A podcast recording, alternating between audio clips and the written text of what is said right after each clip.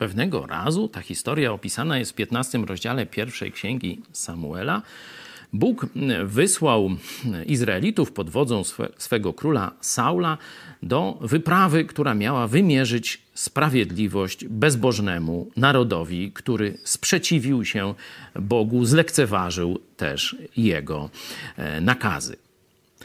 Żydzi mieli jednak jeden jasny nakaz. Nie wolno wam tknąć niczego z tego, co należy do tego grzesznego narodu. Macie zniszczyć wszystko. Tak im Bóg nakazał. No, czytamy w dziewiątym wersecie, co zrobili Żydzi i ich król. No, za co on przede wszystkim ponosi odpowiedzialność. Lecz Saul, to imię króla, i jego lud oszczędzili Agaga i to, co było najlepsze wśród owiec i bydła. Najtłustsze okazy i jagnięta i wszystko, co było wartościowe, nie chcieli przeznaczyć na zniszczenie. Zniszczyli natomiast dobytek lichy i marny. Czyli badziewie tam zniszczyli, spalili, a wszystko, co miało jakąś wartość, zabrali dla siebie.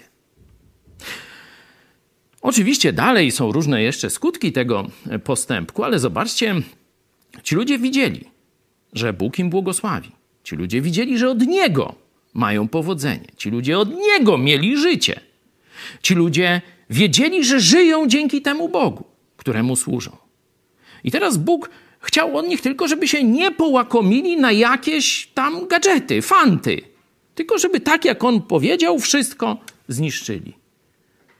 Zobaczcie, jaki stopień ich oddania Bogu tu widzimy. To, co liche i marne, to rzeczywiście oddali Bogu tak, jak on kazał. A to, co najlepsze, zostawili sobie. Hm. To oczywiście nie ma żadnego zastosowania do dzisiejszego życia i spraw naszych, tu moich czy Twoich.